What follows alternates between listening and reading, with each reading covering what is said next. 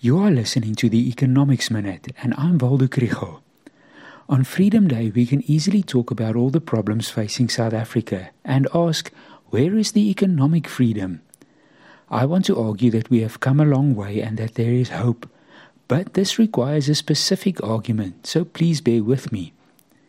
This episode is supported by the NWU Business School. South Africa is not a failed state, but the deterioration is clear.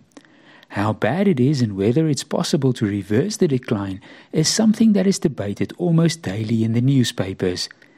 When a problem comes to light and is discussed, from hunger to the railways or electricity generation, we often end up calling upon the government to do something, to speed up reform, and so on. Is this the same government that is seen by the same commentators as inept and corrupt? What else but hope makes us think that government will finally get serious about implementing the Zondo Commission's recommendations or about involving the private sector in whatever? For many of our problems, it's much better to appeal to civil society organizations.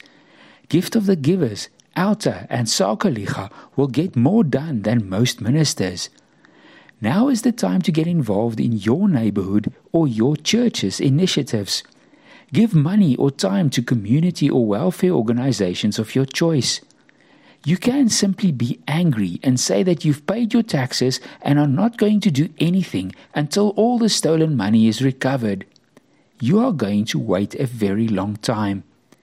A better plan is to have hope for change, but to jump in and start doing things ourselves in the meantime.